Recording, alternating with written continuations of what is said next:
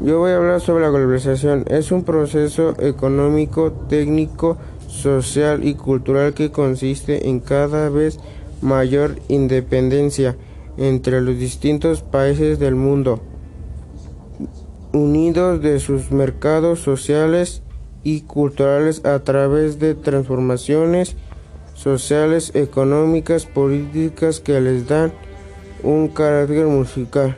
La desventaja, abertura económica y más positivas de un comercio, expansión de derechos sociales como los derechos de las mujeres y de los extranjeros, difusión de la democracia como sistema político, acceso a otros culturales, mayor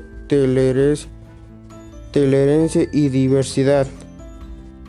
Negativas, motivos de las grandes empresas.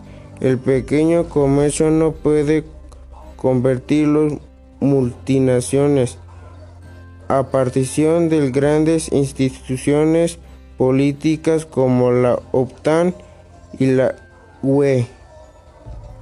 Aumento de desigualdad social, imposición de la cultura occidental y de los ingleses, las oportunidades de la globalización, mercados más grandes, economía de la escuela, acceso a moderna técnica.